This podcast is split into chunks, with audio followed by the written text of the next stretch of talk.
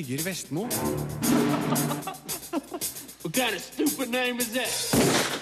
I denne utgaven av Filmpolitiet anmeldes premierefilmene Etterskjelv, Truth, Life in a Fishbowl og Snoopy og Charlie Brown, Knøttene-filmen.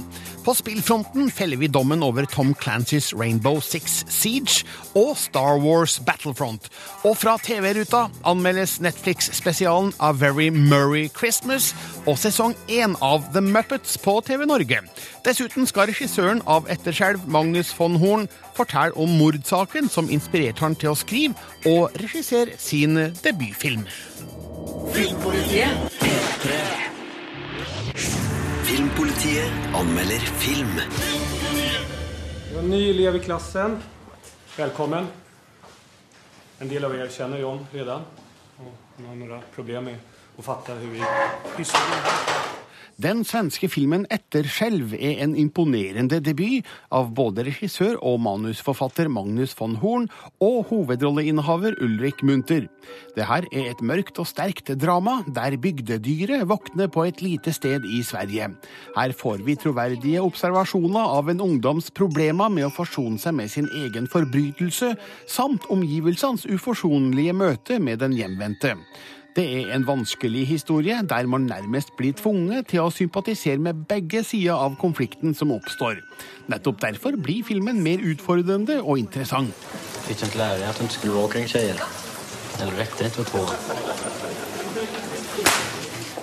Jon, spilt av Ulrik Munter, kommer hjem til gården til faren Martin, spilt av Mats Blomgren, etter to år i fengsel. Det skal raskt vise at både skolemiljøet og lokalsamfunnet ikke er spesielt begeistra for å få han tilbake. Litt etter litt avdekkes hva Jon egentlig måtte i fengsel for, og hvilke sterke følelser og reaksjoner hans nærvær vekker, både blant jevnaldrende og deres foreldre. Han søker vennskap hos den nyinnflytta jenta Malin, spilt av Loa Ek, men blant noen av klassekameratene brygger det opp til en voldsom konfrontasjon. Jeg har fått inn en navnliste fra elevkårene. De vil at John bytter skole. Filmens oppbygging er god, der den nølende, avventende holdningen til Jon signaliserer med all tydelighet at hans tilstedeværelse er vanskelig. Se bare på skrekken i øynene til rektoren, spilt av Inger Nilsson, når Jon kommer tilbake til skolen. Situasjonen eskalerer stadig, og på en måte skjønner man hvorfor, men på den annen side fremstår Jon som en rolig og ettertenksom ungdom som har sona sin straff og fortjener en ny sjanse. Filmen viser hardt og effektivt hvordan det her ikke nødvendigvis er den rådende tankegangen i det lille samfunnet. Utviklinga er uforutsigbar og troverdig i et stramt og godt manus. Er det sant at Kim den der tjejen er sammen? Elsker denne. Ulrik Munter er fra før kjent som artist, bl.a. fra MGP Junior og Melodifestivalen, og gjør her en knallsterk debut som skuespiller. Jon er ingen enkel rolle, men Munter gjennomfører den oppsiktsvekkende godt med beherska spill, der man aner Jons uro vakende under overflata med enkelte eksplosive utbrudd. Regissør Magnus von Horn har fått mye ut av sin unge stjerne i en film med stilsikkert filmspråk, en vedvarende uggen følelse og sterke konflikter uten enkle løsninger. 2015 har allerede gitt oss de svenske kvalitetsfilmene 'Svenskejævel', 'Jeg er Ingrid' og 'Min lille søster', og nå avslutter Etterskjelv et sterkt kinoår for våre naboer. Jeg kände inget. Terningkast fem. Les mer om film, spill og serier på p3.no Filmpolitiet. Filmpolitiet. På P3. I sted ga jeg terningkast fem til den eh, svenske premierefilmen Etterskjelv. Det her er debutfilmen til 31 år gamle Magnus von Horn, som er filmskoleutdanna i Polen, der han fremdeles bor. Han fikk inspirasjon til denne filmen av, fra en gammel kriminalsak, og det forteller han mer om til NRKs Line Alsaker. Altså det var ganske lenge siden. Jeg har gjort kortfilmer om det her tidligere i filmskolen i Polen og i Sverige også, faktiskt. Och eh, har läst ganska mycket och fascinerats ganska mycket om just fall där um, unga killar uh, har varit involverade i väldigt hemska brott och varit överhuvudtaget fascinerad av när vanliga människor begår eh, onda handlingar men inte onda människor. Och det här var ett fall som jag läste om vad mer, kanske 6-5 år sedan om en eh, 15-årig kille som hadde strypt sin flickvän att hun hon hade slutat älska honom. Och jag fick tillgång till massa information om det här fallet, eh, om just förhörsprotokoll och allt från rättssalen och så vidare. Och kunde fördjupa mig ganska mycket i det. Och när jag läste just förhörsprotokollen och hans erkännanden, det var liksom hundra sidor som från en teaterpjäs utan så scenanvisningar, så det lämnar väldigt mycket åt eh, fantasin just vad- liksom hur den här killen pratade och eh, hur han mådde och så vidare. Och, och det var just det som någonstans liksom berörde mig väldigt mycket, att mellan eh, liksom mellan orden, så fanns det otroligt mycket känslor där och att han var liksom en väldigt ung kille som inte var speciellt kanske annorlunda än jag var när jag var 15 och jag kommer från väldigt, som man kallar liksom normala förhållanden. Inte marginaliserad på något sätt, inte från en eh, liksom våldsam familj eller något i den stilen. Mm. Och det kändes som han hade liksom, han försökte ta konsekvenserna för någonting som han inte fattar riktigt hur han hade kunnat göra. Och eh, det var ganska liksom provocerande för mig att läsa det här för jag började undra om jag hade kunnat hamna i en liknande situation när jag var 15. Och det blev liksom nästan omöjligt att säga nej. Tror du at du kunne havnet i samme situasjon? Ja, jeg mener det. Altså, det er umulig for meg å si at det hadde ikke vært mulig, Så jeg tror absolut, det kan, det kan absolutt være mulig. Og derfor liksom ble det på noe sätt eh, att skriva om någonting som jag, är som jag blir liksom rädd för. At du blir at ble redd for dine egne Ja, men rädd för att, følelser? att det är så nära. Att det är liksom skillnaden mellan oss och dem är ganska liten. Och just när jag läste allt det här så blev det väldigt påtagligt. Filmpolitiet. Filmpolitiet. Les mer om film, spill og serier på p3.no Filmpolitiet. Filmpolitiet anmelder film. Why did you get into journalism? Curiosity. Why'd you get into it? You. Truth forteller en interessant historie om spillet i kulissene da CBS-programmet 60 Minutes sendte et innslag som skulle koste både produsent Mary Mapes og ankermannen Dan Rather jobbene deres. Filmen i seg sjøl er traust og tradisjonell, men historien har likevel nok sprengkraft til å kreve oppmerksomhet. What's our next move? I might have something for the election. The President of the United States may have gone AWOL from the military. Handlinga foregår i 2004, der produsenten Mary Mapes, spilt av Kate Blanchett, kommer over dokumenter som viser hvordan president George W. Bush unngikk å avtjene verneplikt under Vietnamkrigen. Hun samler et lite team av journalister til å undersøke saken, men etter at innslaget er sendt, blir innholdet forsøkt diskreditert av sterke krefter, som gjør at Mary og hele teamet plutselig må forsvare seg. They're going to start an investigation. This is bad. They do not get to do this. They do not get to smack us just for asking the question. Kreftene som blir satt i sving, forblir diffuse, sjøl om det mer enn antydes hvor deres agenda ble satt. Særlig forklares det her i en scene der Mike, spilt av Topher Grace, roper ut en teori i redaksjonslokalet hos CBS, som burde få alle tilhengere av fri presse til å stoppe opp og stille spørsmål. Dessverre virker denne scenen litt kunstig plassert i historiens gang, som om regissør og manusforfatter James Vanderbilt bestemte seg for å klargjøre konflikten litt tydeligere enn han egentlig hadde tenkt. These really are the holy grail of documents. You've got three hours. We're out of time. Start outputting. Med navn som Kate Blanchett og Robert Redford i ensemblet er kvaliteten sjølsagt så godt som sikra. Blanchett spiller Mary Mapes med troverdig integritet, der motivasjonen bak hennes drivkraft antydes uten å overspilles. Redford spiller Dan Rather med en veterans rolige og sikre autoritet, og det føles som et privilegium å fremdeles kun se 79-åringen på lerretet. Figuren hans feller dødsdommen over undersøkende journalistikk av kaliberet som 60 Minutes stadig driver med. Filmen stiller viktige spørsmål ved hva slags presse man kan forvente av store medieselskaper, som ikke nødvendigvis har undersøkende journalistikk som prioritert område. Så sjøl om Truth rent filmatisk er av middels god kvalitet, sørger skuespillerprestasjonene og historiens innhold for at det her blir en relativt god og litt foruroligende mediefilm. Our story was about whether the president fulfilled his. And they hope to God the truth gets lost in the scrum. Terningkast fire. Les mer om film, spill og serier på p3.no Filmpolitiet.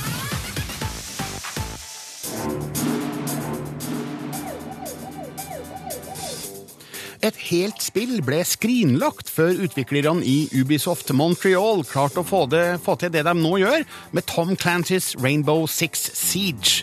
Som navnet røper, dreier det seg om intense konfrontasjoner mellom politi og terrorister i omgivelser som for første gang reagerer realistisk på kuler og krutt. Og det har gitt spillanmelder Rune Haakonsen høy puls og svette håndflater denne uka. Filmpolitiet anmelder spill. I called you here today because we face dire circumstances. Our intelligence has confirmed the existence of a new threat that is unlike any we have seen before. Taktiske skytespill har i årevis forsøkt å få til det som Tom Clancys Rainbow Six Siege nå endelig leverer. Omgivelser som på realistisk vis reagerer og former seg etter de voldsomme eksplosjonene og kulene som skytes ut av spillernes våpen. Bygningene er ikke bare mulig å ødelegge, slik at de ramler ned, men de faller fra hverandre i biter. Et skudd gjennom en tynn vegg gir deg et lite hull for å speide etter fienden.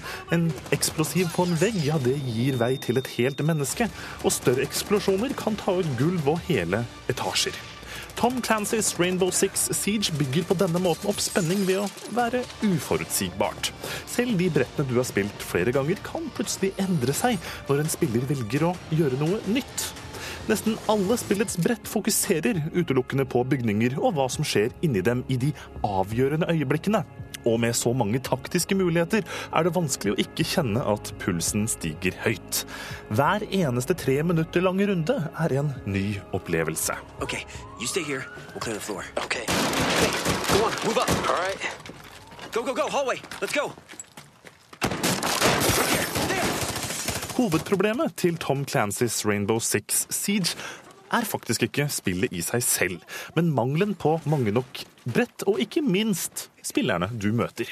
Ved siden av muligheten til å utføre treningsoppdrag alene mot datamaskinen, og kjempe mot datastyrte fiender på et lag av andre spillere over nett, er hovedvekten lagt på flerspilleropplevelsen. Med så mange taktiske muligheter som dette spillet byr på, fordrer det at også spillerne samarbeider og kommuniserer tydelig ved bruk av mikrofoner og lagarbeid. Tom Clancys Rainbow Six Siege belønner nær sagt alle handlinger, fra å ta ut fiendtlige spillere eller å sette opp forsvarsverk. Men spillet belønner ikke godt samarbeid. Dermed domineres omgangene av andre spillere som ikke er interessert i å samarbeide. Etter en runde er over, kan man heller ikke gi god omtale til spillere som er flinke til å samarbeide, til å utnytte spillets taktiske elementer.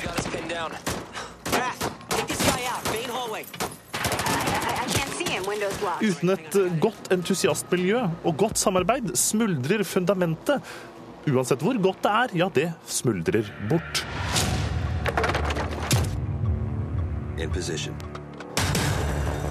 På tross av sine svakheter. Og da må jeg legge til at servertrøbbel og lanseringsproblemer for en gangs skyld ikke er en del av dette. Ja, på tross av svakhetene ellers leverer Ubisoft Montreal en intens spillopplevelse, som gir nytt liv til en sjanger som har stått på stedet hvil i mange år. Realismen spillet bringer til bords er spennende, men også urovekkende i en tid hvor terrorangrep og gisselsituasjoner ofte dominerer nyhetsbildet. Enten du spiller som terrorist eller politi, og hører skrittene til motstanderne bevege seg i sirkler rundt deg, over deg og under deg, mens du gjør alt for å hindre dem i å nå målet sitt, skaper i Tom Clancys Rainbow Six Siege et spenningsnivå jeg vender tilbake til tross alt. Our. As of this moment, my program is reactivated, and I am handing over command of all global field operations to you. Terningkast fire. Filmpolitiet På P3. Mine kjære kolleger Marte Hedenstad og Sigurd Vik er her sammen med meg i studio. God fredag! Hallo! Vi må snakke om ting eh, som har skjedd den siste uka, og i dag morges kom vi på jobb eh, til en ny trailer eh, for den norske filmen eh, Birkebeinerne, i regi av Nils Gaup med Kristoffer Hivju og Jakob Oftebro i hovedrollene. Ja, eh, hva syns vi om dette, folkens? Eh, Vi har sittet og sett den noen ganger, jeg og Marte, på kontoret nå òg. Og jeg har ledd på ekte. Og det er et positivt tegn. Ja. Det er helt nydelig. Er, vi får litt sånn Ringenes herre-vib på, på starten, for det kjøres over fjell, og det er litt sånn nor norrøn skrift og alt som skal være der. Men så blir det jo veldig særnorsk og fint. Og, og den skiscena, det er ei skiscene her, et slagscene med ski. Den ser kul ut. Det ser skikkelig heftig Men ut. jeg får jo, jeg får jo veiviser-vibb av det her, jeg, da. Du er så Ja, det- mye jo, jo, men- Nei, nei, nei. Men altså, det er i hvert fall helt tydelig at Kristoffer Hivju han kommer til å bli brukt som comic relief i den filmen. her. Det er åpenbart. Eh, Det er jo en historie basert på et gammelt eh, ja, skal, Jeg vet ikke om vi skal kalle det sagn eller historie. Det er vel sant, så vidt jeg I hvert fall eh, de to som skal prøve å frakte kongens sønn over fjellet for å flykte fra Men ikke Håkon? For å redde han fra baglerne. Ja. Eh, og her en liten scene fra traileren der Kristoffer Hivjus figur forsøker å godsnakke med den eh, lille Håkon Håkonsen. Hei, god du, dag. Hei, hei, hei. Hei. Hæ? Ja. Ja, gikk bare sånn passe bra. Det er veldig morsomt. Ja. Eh, men du nevnte Comic Relief. Vi må bare, bare ta med sluttsekvensen Ja. av eh, traileren nok en gang. Kristoffer Hivju, denne gangen på et eh, slags operasjonsbord, skal vi si det? ja. Er du klar? Hvis jeg dør, så dreper jeg deg. Jeg liker det. Ja, nei, eh, det, eh, traileren er i hvert fall Ja, tipp topp. Eh, Så håper vi at filmen blir bra også. Birkebeinerne kommer i februar 2016. Hva annet har skjedd, folkens? Vi kan jo bare holde oss i trailerland, fordi den første teaseren, vil jeg nok kanskje kalle det, for sesong seks av Game of Thrones kom i går. Ja. Oh my Noen, god. noen som gleder seg til det? Nei, kanskje, kanskje vi, eller kanskje meg? Kanskje, Kanskje du. Kanskje spesielt du, Marte Henstad. Men det som var så kult nå, at for en gangs skyld når vi står her, så trenger ikke vi å rope spoilervarsel, spoilervarsel, spoilervarsel, fordi det her var en teaser som ikke handla om det som skal skje i sesong seks. Den tok for seg det som har Ja, skjedd. Den viste bare masse små klipp av det som vi allerede har sett, men klarte med det å bygge opp en forventning til det som skal skje, og en intens spenning, for å si det forsiktig. For det som er så fint nå, og det som også teaseren legger opp til, er at før så har dem som har lest bøkene, visst litt sånn cirka hvor vi skal, Mm. men nå nå begynner det ukjente. Nå er det nytt. Nå er det helt uavklart, og det begynner i april. Fremdeles veldig, veldig lenge til det. Ja, altfor lenge til. Heldigvis så skjer det noe i februar, da, med birkebeinerne, sånn i mellomtida. Så. Det gjør det. Noe annet vi burde ha snakka om? og Ja, for det skjer noe, noe allerede nå i desember også, som er ganske kult, som heter Star, etter, Star, Star, Wars, Star Wars, tror jeg. Ja, et eller Ja, annet der. Det var noen greier der. Herregud, det er bare tolv dager igjen, folkens. jeg gleder meg så mye. Tolv dager. Men uh, The Force Awakens, som det er tolv dager igjen til, det er jo bare én av mange Star Wars-filmer som er på vei. Uh, og det er jo en av disse spin-offsene som vi skal snakke litt om nå. fordi at det er jo sånn at uh, vi skal få møte en ung Han Solo i en av de kommende filmene som kommer i 2018. Eh, og nå er det da sluppet en liste med folk som har vært på audition for den rollen. Kom med noen navn. Ok, ok.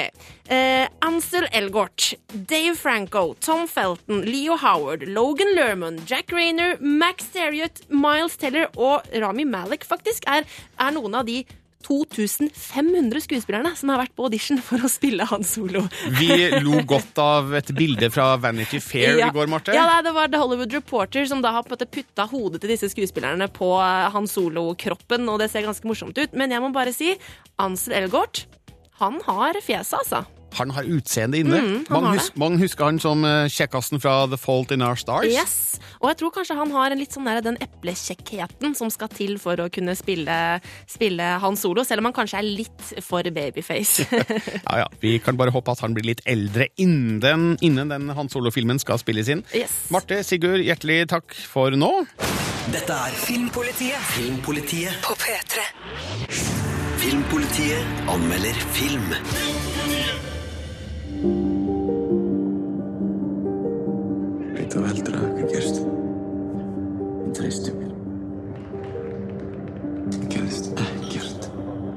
Island før finanskrisa er arenaen for filmen Life in a Fishbowl, der tre historier flettes sammen med frampek til landets kommende vansker. Det er et grått drama med velskrevet dialog og solid skuespill. Regissør Baldvin Sofoniasson tegner et troverdig og nyansert bilde av det islandske samfunnet, sett fra tre ulike vinkler. Filmen engasjerer og berører mer enn godt nok til å rettferdiggjøre et kinobesøk for den som måtte være interessert i islandsk samtidsdrama. Tittelen leker med det faktum at Island er et lite samfunn der små endringer merkes overalt. Året er 2006, og vi aner konturene av finanskollapsen som snart skal ramme dem. Vi møter den unge mora Eik, spilt av Hera Hilmarsdottir, som jobber i barnehage, men prostituerer seg på si. Forfatteren Mori, spilt av Torstein Backman, er alkoholisert etter å ha blitt ramma av en tragedie. Fotballspilleren Sølvi, spilt av Tor Kristiansson, jobber seg opp i en bank. Livene deres skal etter hvert tvinnes i hverandre på ulike vis og med ulike konsekvenser. Filmen viser hvordan vanlige menneskers liv blir påvirka av hensynsløst pengejag, hvordan det her styrer deres valg og hvilke konsekvenser det får. Hvordan dømmekraft glipper, prinsipper forvitrer og menneskesyn endres.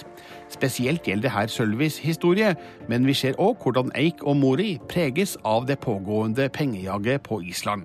Filmen viser godt og effektivt hvordan ingen samfunnslag er helt immune mot endringene landet går gjennom. Skál fyrir og, og njótum kvöldsins.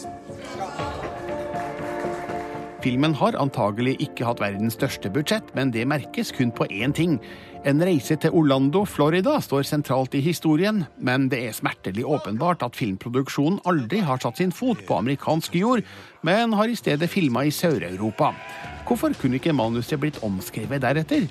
Det her er ikke verdens største detalj, men irriterende nok til at man legger godt merke til det og blir tatt litt ut av historien. Welcome to the Viking. Við erum lent í partíi hjá valdamestu mönnum á Íslandi. Hovedrollene spilles godt av Hera Hilmarsdottir, kjent fra TV-serien Da Vincis Demons, Torstein Backman, kjent fra Dypet, og Tor Kristiansson, sett i Dracula Untold. Eik fremstår som en ung mor som gjør det hun må for å få økonomien til å gå rundt. Mori er hard på flaska, men har ingen sjølmedlidenhet. Solvi blendes av ny rikdom og mister dermed noe av seg sjøl. Det er interessante figurer i en spennende utforskning av islandsk samfunnsstemning i nær fortid. Terningkast fire Filmpolitiet. på P3. Den amerikanske TV-julespesialen har lange tradisjoner, med kjendiser, julemusikk og generelt god stemning. I år har komiker og skuespiller Bill Murray bestemt seg for å bidra til tradisjonen. Fra og med i dag kan du se A Very Murray Christmas på Netflix. Sigurd Vik kaller resultatet hjertevarm julemoro fra hotellbaren. Filmpolitiet anmelder film. Forrige gang Bill Murray og regissør Sofia Coppola jobba sammen, lagde de den fantastiske og stemningsfulle Lost in Translation. Og igjen så er det en sorgmunter hotelltilværelse og minneverdige coverlåter som fenger aller mest i A Very Murray Christmas. Is it Clooney? Is it Clooney? Is it Clooney? Is George on the phone? Please, God, let it be Clooney. Bill Murray får spille på sine sterkeste kort som komiker og veksler finstemt mellom gretten og underspillende hjertevarm i denne kjærlige parodien på den amerikanske julespesialens feelgood-tradisjoner. Med gjesteliste kjendistoppa av George Clooney, Miley Cyrus og Chris Rock, så er det mye humør og glam-faktor i de mest lettbeinte sanginnslagene, mens Jenny Lewis fra Rilo Kylie og David Johansen fra New York Dolls sørger for å få fram julekjærligheten til det levde liv og hotellbarns lindrende vesen i de mer følelsesladde øyeblikkene.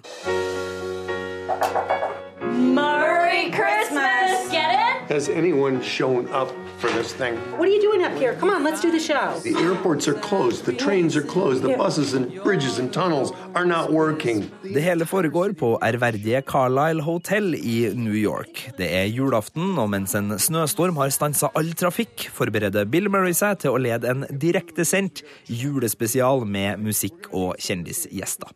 Problemet er bare at ingen av gjestene kommer pga. snøkaoset, og Bill Murray har jo egentlig ikke lyst til å la lage en dum julespesial. Så det her blir julespesialen om den mislykka julespesialen, og vi følger Murray etter hvert som kvelden utfolder seg på hotellet. Med strømbrudd, drinker, litt innpakka julebudskap og rikelig med julesanger. This sad excuse for a Christmas special starting to seem to me more like a Christmas, as in what a mess. We have George Clooney. I rest my case. Ah. Årets første juletårer rant nedover kinnet mitt til en aldeles nydelig versjon av Fairytale of New York, med David Johansen, Jenny Lewis og Bill Murray som ledende trekløver. Det er mye medmenneskelighet og ærlighet i denne salongberusa julespesialen. Jo da, her er det tidvis rikelig med sesongfasade og glitter, og alle smiler hjertelig når Miley Cyrus og George Clooney stemmer i på julefavorittene.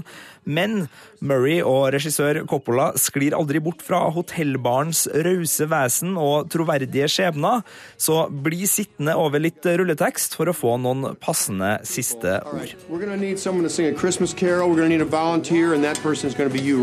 On the first day of Christmas, my... Okay, you're not a singer, and we don't have time to find out if you're a dancer. Det her er slettes ikke en komedie for alle, men det er en tidlig julepresang for dem som er disponert. Terningkast fem. Les mer om film, spill og serier på p3.no Filmpolitiet. Filmpolitiet anmelder film. Denne gangen skal det bli annerledes. The Peanuts Movie har fått den litt kronglete norske tittelen Snoopy og Charlie Brown Knøttene-filmen. Heldigvis er ikke filmen det spor vanskelig. Den legendariske avisstripa av Charles M. Schultz er overført til film med den største respekt for hans originale uttrykk. Både enka, sønnen og sønnesønnen er involvert i produksjonen, som er en godhjerta nostalgitripp for dem som allerede kjenner det her universet. Jeg er litt mer usikker på hvor godt Snoopy og Charlie Brown Knøttene-filmen vil treffe de yngste, da den har et litt gammelmodig preg over seg, til tross for å være 3D-animert etter all kunstens regler. Den nye jenta er her! Å, så pen hun er! Hun er ikke så pen. Alle de kjente Knøttene-figurene er med, annet Sofie, Linus, Sally og Skrøder, men fokuset er sjølsagt spesielt retta mot hunden Snoopy og hans eier Charlie Brown. Førstnevnte må i denne filmen bekjempe en fiende med sitt flygende hundehus, mens Charlie må finne en måte å imponere den nye eleven i klassen, nemlig jenta med det røde håret. Ingen av utfordringene blir enkle. Tenk at jeg snart skal snakke med den nye jenta. Hvis det er en du vil ha med deg et slikt øyeblikk, er den trofaste hunden din. Snoopy og Charlie Brown Knøttene-filmen har et visuelt uttrykk som ligger tett opp til Charles M. Schultz' originale strek. Spesielt figurene som henta rett fra en av hans avisstriper og satt inn i en 3D-animert verden. Også deres personligheter, seriens lune humor og dens bedagelige fremdrift er videreført av regissør Steve Martino, med fin dubbing av unge norske gutter og jenter, blant annet Sander August Christiansen som Charlie Brown, Liv Almås som Sofie og Olve Eindride Slåtto Hall som Linus. Filmen fremstår på alle måter som en velment hyllest til Knøttene og deres skaper. Jeg har tenkt å forandre meg og bli en vinner. Ser man filmen med et kritisk blikk, og det skal man jo, blir det klart at historiens tematikk er forholdsvis utbrukt, nemlig at man kan lykkes ved å være seg sjøl og være tro mot sine egne verdier. Det er kanskje ikke det mest originale budskapet. Den ufarlige humoren er heller ikke av ferskeste dato, men så har det nok heller aldri vært målet for filmskaperne å være nyskapende. Målgruppa for Snoopy og Charlie Brown Knøttene-filmen er trolig først og fremst voksne, som kanskje tar med seg egne barn på kino for å gjenoppleve hygge fra gamle dagers avisstriper og tegnefilmer. I så fall er dette oppdraget utført.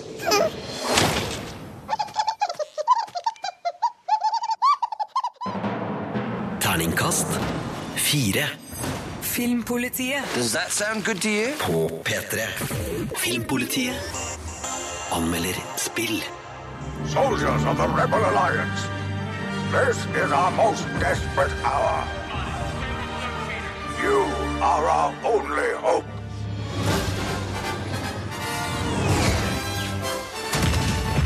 Focus your attack on the walker.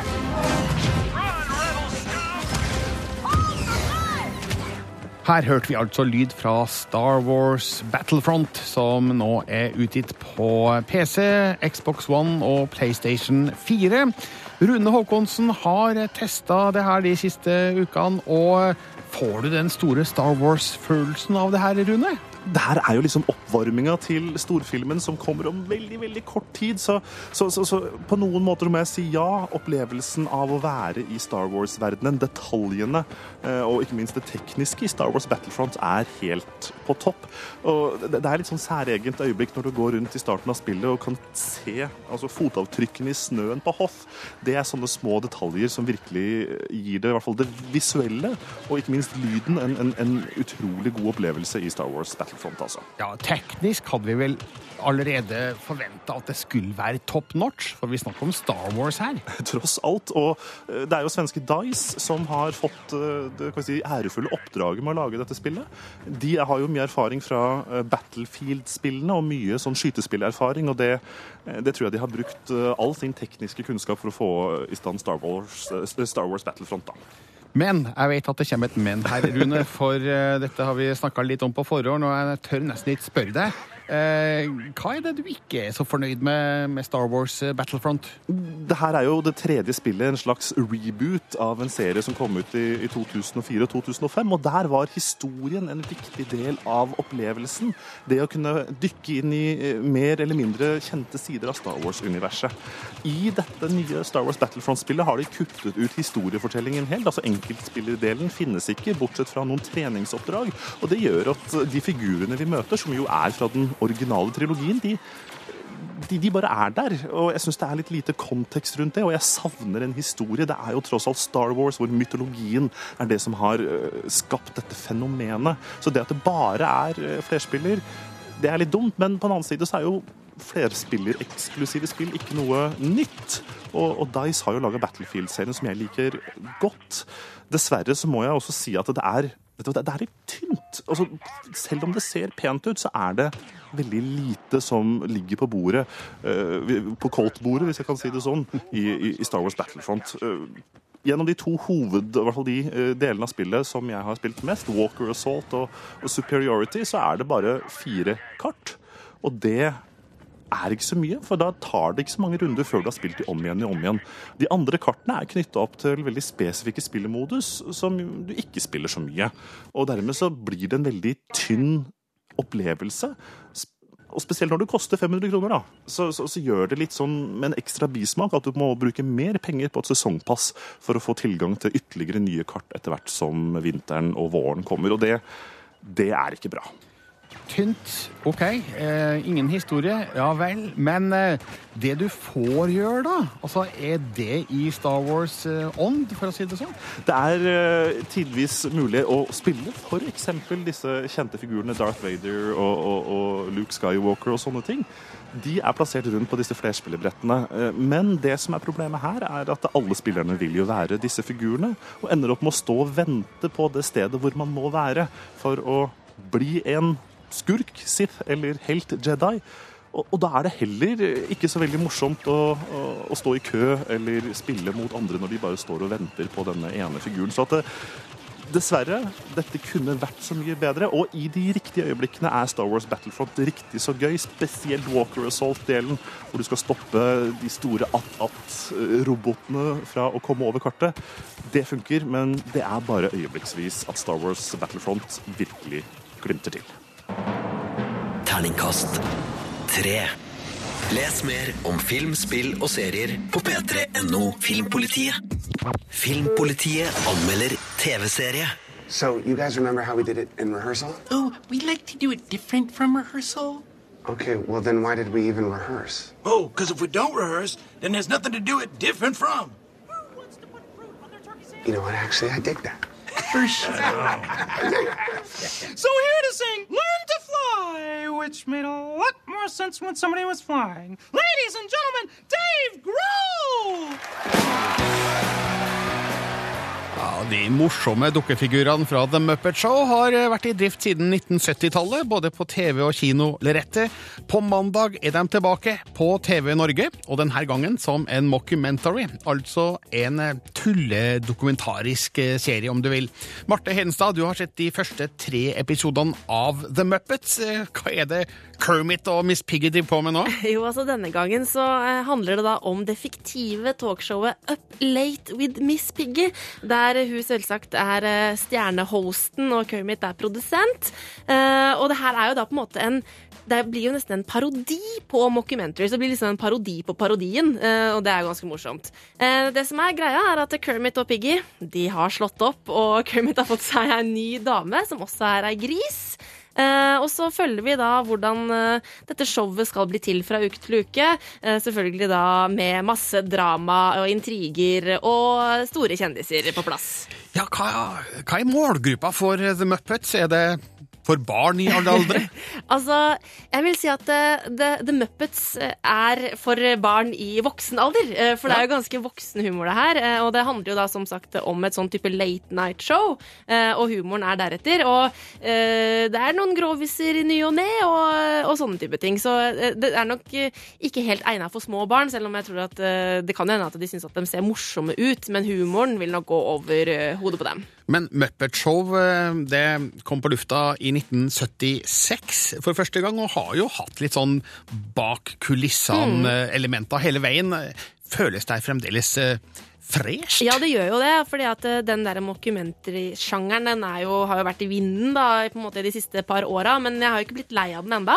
Eh, og jeg syns at eh, de får det til på en veldig god måte her, og det er jo litt fordi at de parodierer mockumentary-sjangeren. ikke sant? Altså Det blir en parodi på alle disse seriene vi har sett, de siste åra, og det er veldig morsomt. Men jeg må bare si at jeg syns ikke at det er Kermit, som liksom er produsenten og hovedrollen i serien her, som er den morsomste. Han syns jeg egentlig er litt kjedelig. eh, hvis det er lov å si. Eh, så selv om han er liksom egentlig den store stjerna, men eh, jeg syns liksom at det er eh, han eh, Vet han Reka, vet du, med det, med det røde håret. Altså, hva heter han igjen? Eh, Ja, det husker jeg i hvert fall ikke. uansett, det er Reka og, og han derre Bjørnen, og egentlig Piggy også. Så de er veldig morsomme, alle disse bifigurene eh, som på en måte spiller opp mot Kermit, men Kermit er ikke best, altså. Ja, han er kanskje streitingen? da. Ja, han er streitingen, Ja. men det er veldig mye morsom humor her. Og, og det som jeg liker veldig godt med serien, er at eh, siden dette her foregår i showbiz, ikke sant, så er det jo veldig mye referanser til popkultur og skuespillere og sånne type ting. Eh, og det syns jeg er veldig gøy. Eh, og så er det alltid artig når skuespillere kommer inn og spiller seg sjæl. Det liker jeg. I lydklippet i stad hørte vi litt av Dave Grohl, og Ja. Eh, det ligger jo et klipp ut på YouTube med han og Animal, den kjente trommisen i Muppet Show. Yes, det er veldig morsomt. eh, Det klippet jeg har sett, og det, det er, de som har sånn skikkelig sånn der drum-off, eh, hvor de ikke helt vet hvem som ender opp som vinneren, men det er veldig morsomt. Og sånn, sånne type scener er det gjennom hele de tre episodene jeg har sett, og det Mm. fungerer kjempebra. The Muppets starter altså på TV Norge på mandag og skal gå all hverdager frem til 18. desember. Er det her sånn passe juleunderholdning, eller? Ja, altså, eh, det er jo eh, Det er jo ikke jul det handler om, men den er, har en sånn lunhet og sjarm som gjør at den liksom passer sånn på en sånn trivelig eh, kvelds-TV-dag eh, nå i jula, syns jeg. Takk, Marte Hedenstad, som gir The Muppets Terningkast fire. Les mer om film, spill og serier på p3.no Filmpolitiet.